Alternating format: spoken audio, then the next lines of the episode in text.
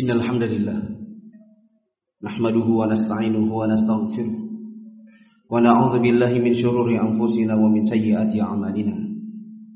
من يهده الله فلا مضل له ومن يضلل فلا هادي له. وأشهد أن لا إله إلا الله وحده لا شريك له. وأشهد أن محمدا عبده ورسوله لا نبي بعده. قال الله تعالى في القرآن العظيم يا أيها الذين آمنوا اتقوا الله حق تقاته. ولا تموتن إلا وأنتم مسلمون يا أيها الناس اتقوا ربكم الذي خلقكم من نفس واحدة وخلق منها زوجها وبث منهما رجالا كثيرا ونساء واتقوا الله الذي تساءلون به والأرحم إن الله كان عليكم رقيبا يا أيها الذين آمنوا اتقوا الله وقولوا قولا سديدا يصلح لكم أعمالكم ويغفر لكم ذنوبكم ومن يطع الله ورسوله فقد فاز فوزا عظيما. أما بعد فإن أصدق فإن أصدق الحديث كتاب الله. وخير الهدى هدى محمد صلى الله عليه وسلم. وشر الأمور محدثاتها فإن كل محدثة بدعة وكل بدعة ضلالة وكل ضلالة في النار. Hadirin jamaah Jumat yang Allah muliakan Kami awali khutbah pada hari ini dengan nasihat ketakwaan bagi diri kami pribadi dan bagi jamaah sekalian. Marilah kita meningkatkan ketakwaan kita kepada Allah Ta'ala. Dengan mengerjakan apa yang Allah perintahkan Dan berusaha untuk sebisanya menjauhi apa-apa yang Allah larang. Hadirin jamaah yang dirahmati Allah, di antara pekerjaan yang sangat mulia, pahalanya besar, adalah menjadi seorang dai. Allah Subhanahu wa taala mengatakan, "Wa man ahsanu qawlan mimman da'a Allah." Siapa yang lebih bagus kalimat-kalimat dan ucapannya, lisannya ketimbang orang-orang yang menjadi dai di jalan Allah. Nabi SAW ketika berpesan kepada Ali bin Abi Thalib Kata beliau, La ahdiyallahu bika rajulan khairun laka min humrin na'am. Kalau seandainya Allah menunjuki seseorang karena sebab dirimu sebagai da'inya, maka sesungguhnya per orang yang engkau dapatkan pahala yang lebih baik daripada engkau punya unta merah. Unta merah adalah harta yang paling berharga di kalangan orang Arab di zaman dahulu. Kalau kita bisa menjadi dai di jalan Allah, maka kita akan mendapatkan pahala yang besar. Allah jadikan lisan kita ini sebagai lisan yang paling baik di kalangan manusia. Jamaah yang dirahmati Allah, apakah menjadi seorang dai harus jadi ustaz? Jawabannya tidak. Setiap orang bisa menjadi penyuruh kebaikan. Tidak harus di balik meja. Tidak harus membuka kitab. Kalau ada daurah, ada yang membuatkan pamfletnya maka dia dai. Yang menempelnya maka dia dai. Menyumbangkan donasi untuk bisa penyelenggaraannya ini pun menjadi dai. Bahkan yang jadi penjaga parkir semuanya dai. Bila terserangga sebuah kajian, maka setiap yang menyumbangkan apakah harta atau tenaga dan waktunya, semuanya merupakan dai yang mendapatkan pahala yang sama dengan pahala yang Allah berikan kepada yang jadi ustadznya. Jamaah yang dirahmati Allah. Ketika kita sama-sama mengetahui bahwa dai tidak harus jadi ustaz. Maka kalau seandainya ada sebuah sifat yang dimiliki oleh seorang ustaz, maka sifat tersebut harus juga dimiliki oleh yang bukan ustaz, yang menjadi penyuruh-penyuruh di jalan Allah. Pada kesempatan khutbah hari ini, saya ingin menyampaikan beberapa sifat yang harus dimiliki oleh setiap orang yang mau terjun di dunia dakwah. Apakah jadi ustaz? Apakah jadi seorang pengurus yayasan, takmir masjid, kepanitiaan dalam kajian, dan segala bentuk kesempatan menjadi seorang dai. Pertama seorang dai harus ikhlas. Tanpa keikhlasan gak ada manfaat.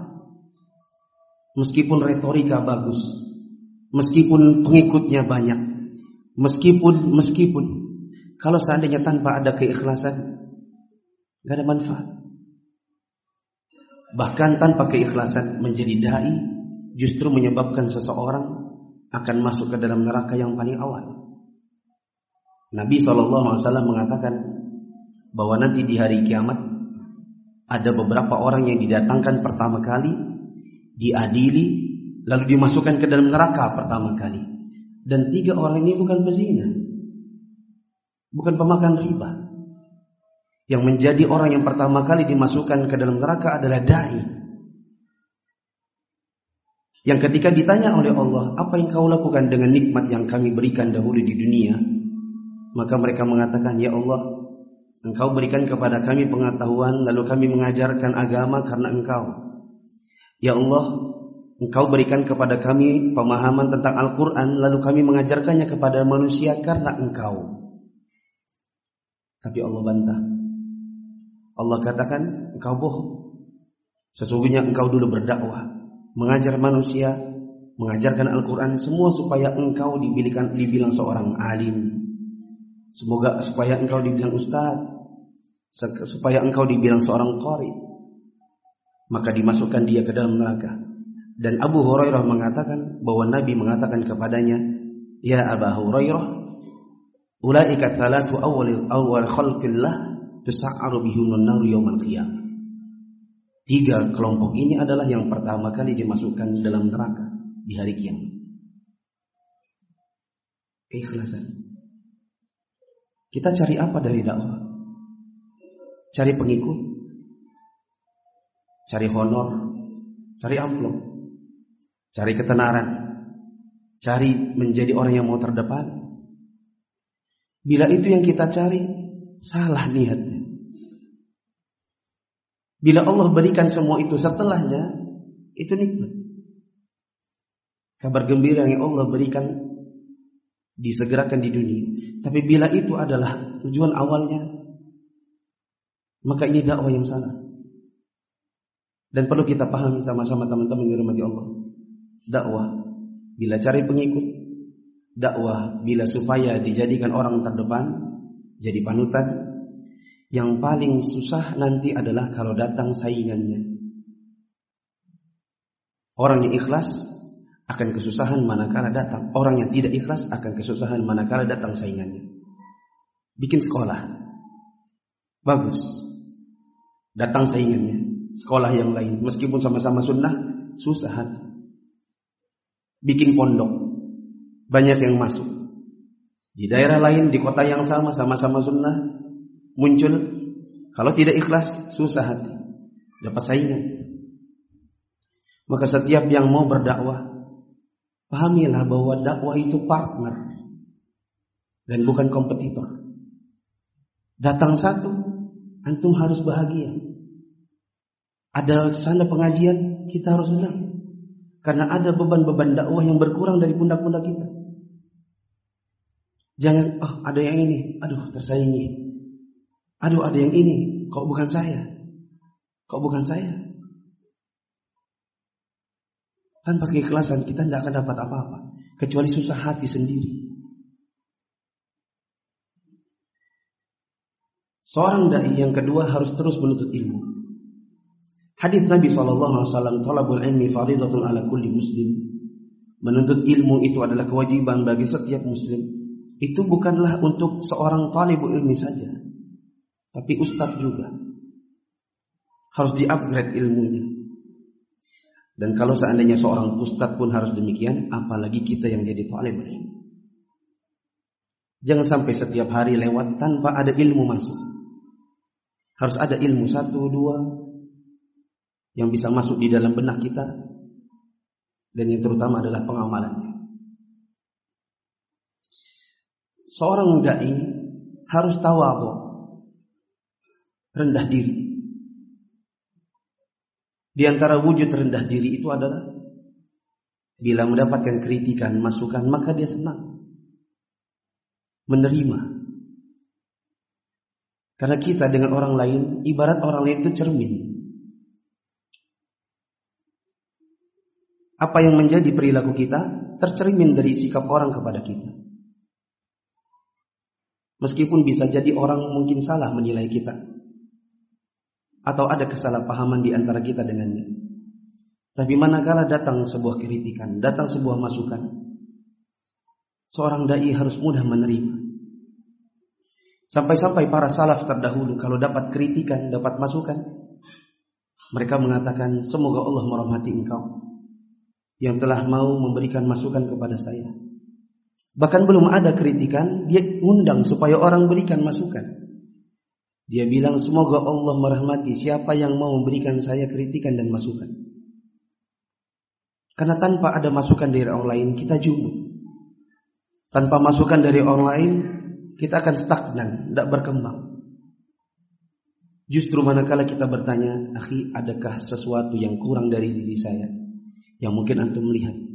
Itu adalah dalam rangka memperbaiki diri sendiri. Dan dai harus seperti itu. Wujud dari tawadhu bila salah mudah meminta maaf. Bahkan saya pernah katakan di kajian di masjid ini dua hari yang lalu. Bahkan kadang di suatu momen kita harus minta maaf meskipun kita yang benar. Kemarin sore saya mengunjungi seorang teman. Bukan teman bahkan. Beliau lebih bapak. Kami terpaut usia yang sangat jauh. Suatu hari saya merasa dizolimi. Karena sebuah satu masalah dalam muamalah. Suatu hari saya datangi rumahnya, lalu saya marah. Setelah saya marah, saya pulang dan saya kemudian mengintrospeksi diri. Apakah pantas bagi saya untuk marah padanya? Meskipun saya merasa dizolimi. Meskipun dalam hal ini saya merasa diri saya benar. Tapi apakah kemudian itu menjadi solusi? Setelah lewat mungkin 2-3 tahun, kemarin saya datangi beliau. Dalam kejauhan dari tempat tinggal kami, saya datangi hanya dalam rangka minta maaf. Beliau menangis. Kata beliau senang sekali, padahal dari hari itu saya sudah melupakan Ustaz. Saya mengatakan saya nggak tahu kapan saya mati Pak. Dan keadaan masih ada perasaan-perasaan dalam diri. Mungkin saya pernah marah kepada Bapak. Walaupun terus terang saya menganggap diri saya ketika itu saya berada di posisi yang terzolim. Tapi saya tahu sikap saya mungkin tidak pantas. Dalam dalam kondisi kita benar, ada banyak momen di mana kita yang harus minta maaf. Dan meminta maaf bukan wujud kekalahan. Meminta maaf bukan ber, ber, bukanlah wujud kita yang salah. Seorang dai harus mudah demikian karena itulah wujud tawadhu. Di antara wujud tawadhu yang lain adalah mudah memberi, memberikan ucapan terima kasih manakala kita ditolong. Di antara bentuk kesombongan adalah kebalikan dari tiga ini. Seorang dai tidak akan bisa jadi dai tanpa tawadhu yang wujudnya kebalikan dari tiga tadi. Dapat kritikan membatasi diri. Maaf, saya lebih berilmu dari Anda. Oh sorry, saya ustaz. Anda bukan. Apa hak Anda? Anda cuma ibu ini, nggak usah tanya, nggak usah kritik saya. Ini bentuk kesombongan. Tinggi hati. Kebalikannya, salah, susah minta maaf. Kebalikan dari tawadu itu adalah diberi, dapat bantuan, tapi susah terima kasih. Menjadi dai tidak akan bisa hidup. Tidak akan bisa berkembang dan tidak akan barokah manakala tawadhu tidak ada. Bahkan saya kata, katakan kepada jamaah sekalian, bila antum melihat diri saya ada suatu kesalahan, demi Allah, saya tidak pernah menutup diri. Sedari pertama saya datang kemari, sejak pulang dari Saudi sampai hari ini, bila dari antum ada yang berikan kemasukan, justru itu yang saya ingin sekali dan terima kasih. Saya jadi dai dan ada orang dekat. Orang-orang dekat semua pasti tahu.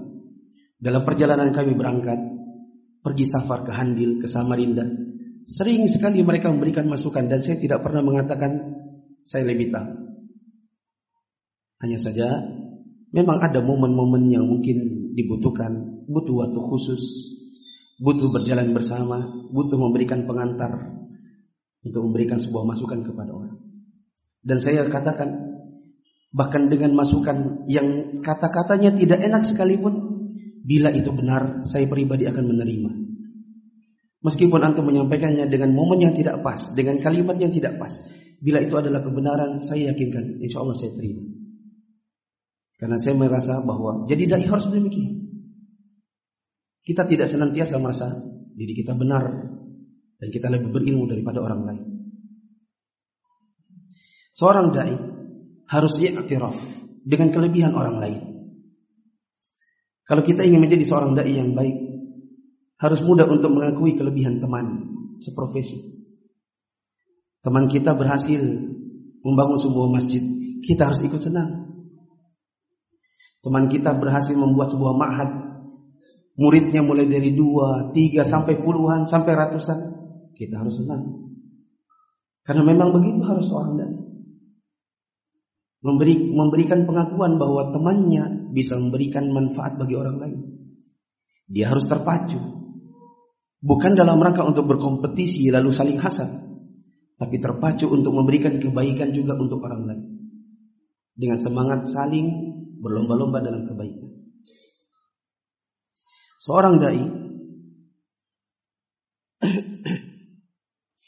tidak boleh mudah terprovokasi oleh kalimat-kalimat di sekitarnya meskipun dari orang dekat. Meskipun seorang dai punya teman-teman sepermainan, seperjalanan, sekumpulan, seyayasan, sedkm, sepondok. Bila dapat masukan-masukan input-input yang kira-kira harus ditelaah terlebih dahulu, maka seorang dari tidak boleh mudah terprovokasi. Dicerna terlebih dahulu. Betul atau tidak? Datamu dari mana? Itu fakta atau kau duga-duga? Itu perasaan kamu atau kau dengar dengan telingamu? kata orang, kau dengar dari dengan telingamu sendiri, atau hanya pesan berantai. Perlu ditelaah terlebih dahulu sebelum menerimanya mentah-mentah. Karena tanpa demikian akan mudah berpecah. Tanpa demikian akan mudah berselisih. Setiap orang memberitahukan temannya, temannya langsung mengiyakan temannya. Yang ini pun demikian. Ada pengadu domba di antara keduanya. Jadilah berpecah. Jadilah berselisih, bertengkar. Dan nanti ujung-ujungnya masing-masing akan menjalankan dakwahnya sesuai dengan gayanya. Dan masing-masing ingin menunjukkan bahwa dia lebih bersinar daripada orang lain. Sehingga kadang-kadang di dalam ceramahnya masing-masing harus merasa lebih bersinar dan yang lain harus redup. Dan kalau sudah seperti ini, ini wujud tidak ikhlas. Dan tidak bisa jadi dai seperti itu. Mungkin kita jadi punya pengikut, tapi barokah di sisi Allah tidak ada. Aku lu qali hadza wa astaghfirullah li wa lakum wa lisa'il mu'minin innahu huwal ghafurur rahim.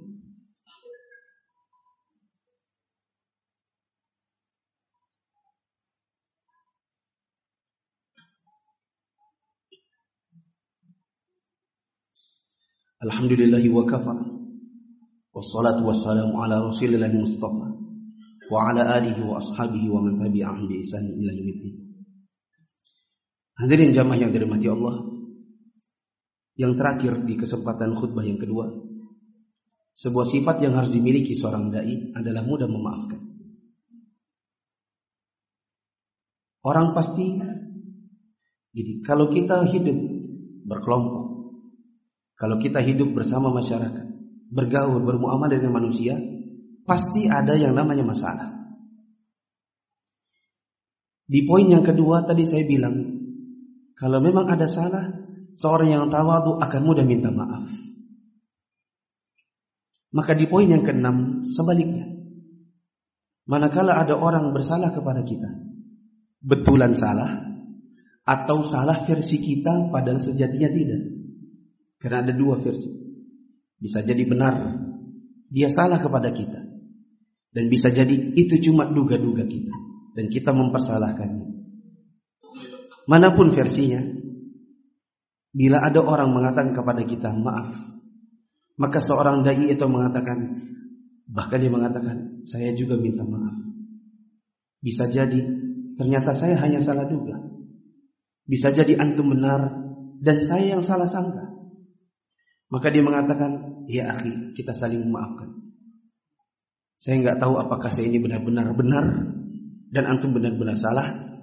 Atau justru sebaliknya saya hanya berprasangka yang buruk kepada antum. Jamaah yang dirahmati Allah, ini jelang Ramadan.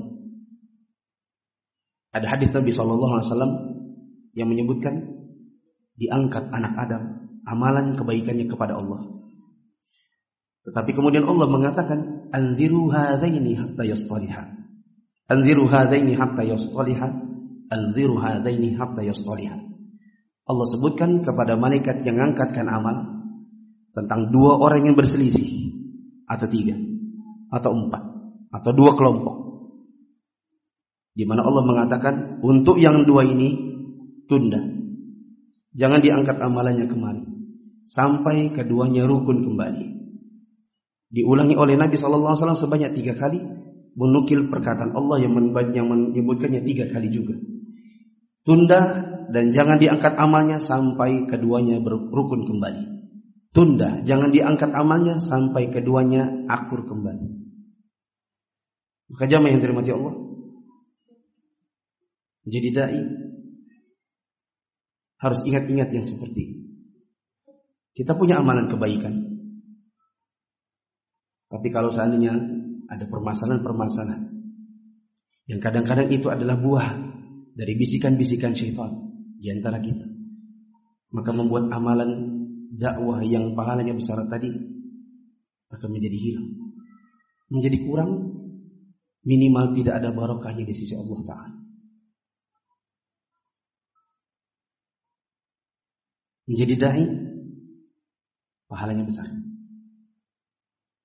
Untuk jadi seorang dai kita punya bekal. Tidak hanya ilmu, tapi lima yang tersisa yang saya sebutkan dalam khutbah tadi. Keikhlasan, tawadhu. Iktiraf. Saling mengakui kelebihan ilmu atau kelebihan syu'un atau kelebihan peran satu sama yang lain. Mau untuk saling memaafkan. Allahu a'lam bishawab.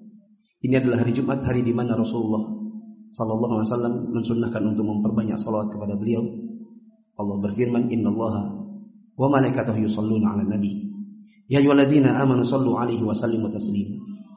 Allahumma salli ala Muhammad wa ala Muhammad kama sallaita ala Ibrahim wa ala ali Ibrahim innaka Hamidum Majid. Allahumma barik ala Muhammad wa ala Muhammad kama barakta ala Ibrahim wa ala ali Ibrahim innaka Hamidum Majid. Allahumma gfir lil muslimin wal muslimat wal mu'minin wal mu'minat al ahya'i minhum wal Inna innaka sami'un qaribun mujibud da'wat ya Allahumma anfa'na bima tana wa 'allimna ma yanfa'una warzuqna ilma. Allahumma inna na'udzubika min 'ilmin la yanfa' wa min qalbin la yakhsha wa min nafsin la tashba' wa min da'watin la yustajabu laha. Rabbana atina fid dunya hasanah wa fil akhirati hasanah wa qina adzabannar. Walhamdulillahirabbil alamin.